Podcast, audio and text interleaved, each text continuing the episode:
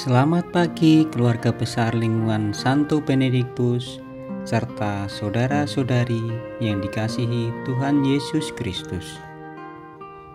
Hari ini Rabu, tanggal 27 Januari tahun 2021. Pekan biasa ketiga. Memperingati Santa Angela Merici Perawan. Bacaan pertama diambil dari surat kepada orang Ibrani, dilanjutkan dengan Injil Yesus Kristus menurut Markus. Pembacaan dari surat kepada orang Ibrani. Selanjutnya, setiap imam melakukan tiap-tiap hari pelayanannya dan berulang-ulang mempersembahkan korban yang sama yang sama sekali tidak dapat menghapuskan dosa. Tetapi ia, setelah mempersembahkan hanya satu korban saja karena dosa, ia duduk untuk selama-lamanya di sebelah kanan Allah. Dan sekarang ia hanya menantikan saatnya di mana musuh-musuhnya akan dijadikan tumpuan kakinya sebab oleh satu korban saja ia telah menyempurnakan untuk selama-lamanya mereka yang ia kuduskan. Dan tentang hal itu, Roh Kudus juga memberi kesaksian kepada kita, sebab setelah ia berfirman, "Inilah perjanjian yang akan kuadakan dengan mereka sesudah waktu itu." Ia berfirman pula, Aku akan menaruh hukumku di dalam hati mereka dan menuliskannya dalam akal budi mereka. Dan aku tidak lagi mengingat dosa-dosa dan kesalahan mereka. Jadi, apabila untuk semuanya itu ada pengampunan, tidak perlu lagi dipersembahkan korban karena dosa. Demikianlah sabda Tuhan. Inilah Injil Yesus Kristus menurut Markus. Pada suatu hari, Yesus mulai mengajar di tepi danau Galilea. Maka datanglah orang banyak yang sangat besar jumlahnya mengerumuni dia sehingga ia naik ke sebuah perahu yang sedang berlabuh, lalu duduk di situ.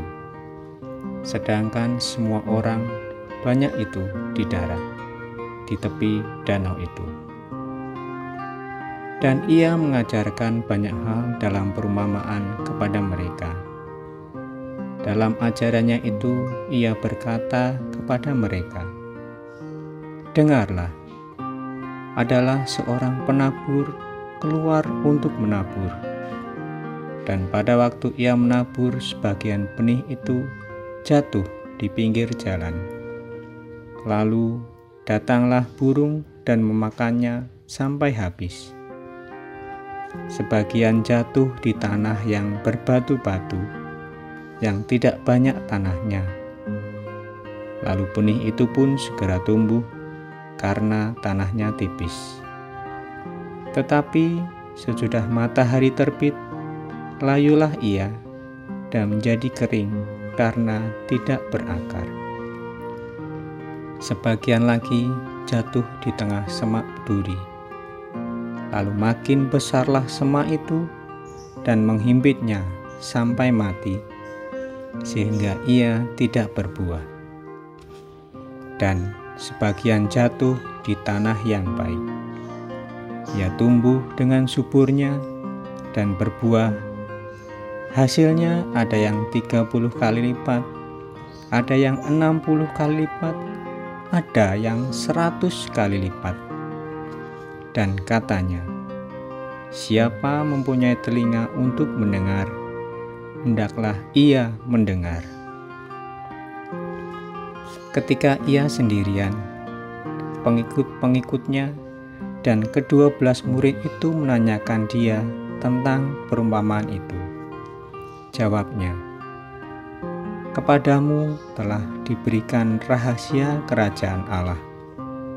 Tetapi kepada orang-orang luar, segala sesuatu disampaikan dalam perumpamaan, supaya sekalipun melihat, mereka tidak menanggap, sekalipun mendengar, mereka tidak mengerti, supaya mereka jangan berbalik dan mendapat ampun. Lalu ia berkata kepada mereka, "Tidakkah kamu mengerti perumpamaan ini? Kalau demikian, bagaimana kamu dapat memahami semua perumpamaan yang lain?" Penabur itu menaburkan firman. Orang-orang di pinggir jalan tempat firman itu ditaburkan ialah mereka yang mendengarkan firman. Lalu datanglah iblis dan mengambil firman yang baru ditaburkan di dalam mereka.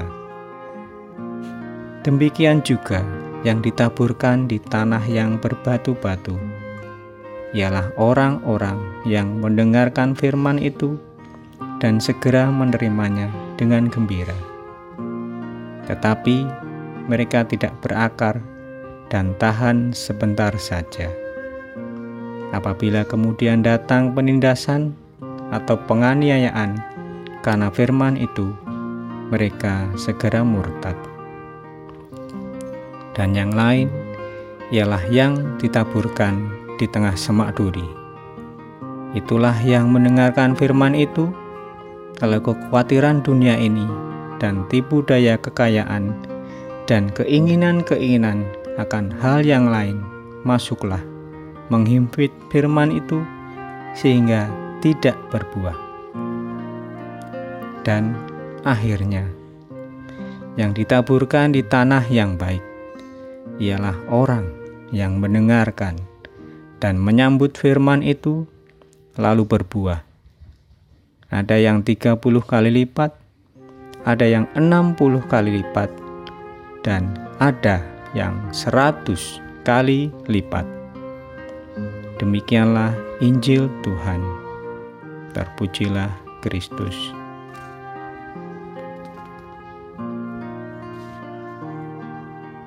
Mendengarkan adalah tindakan yang penting dalam proses belajar mengajar. Mendengarkan berarti menyimak agar dapat memahami dengan baik. Meski demikian, tidak semua orang dapat mendengar dengan seksama. Dalam Injil hari ini, Tuhan Yesus menghendaki kita untuk mendengarkan dengan seksama, bukan asal mendengar.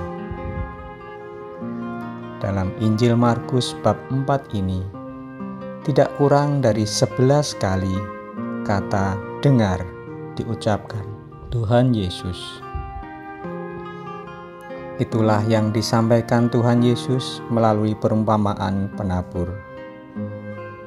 Seorang yang mendengarkan firman Tuhan digambarkan dengan tanah yang baik. Mereka memahami dan mengikuti perintah Injil dengan penuh iman. Ini akan terlihat dalam disiplin dan kesetiaan mendengar firman terus-menerus. Diwujudkan dalam kehidupan nyata, mencintai kebenaran dan keadilan, serta gemar melakukan kebajikan bagi sesama. Inilah ciri murid yang sejati. Allah menganugerahkan kita hati yang baik hati yang mendengarkan. Marilah kita berdoa. Allah Bapa, Engkaulah sumber belas kasih. Semoga Engkau menganugerahkan kepada kami kecakapan untuk mendengarkan sabdamu dan kemampuan untuk mewujudkannya dalam kehidupan sehari-hari. Amin.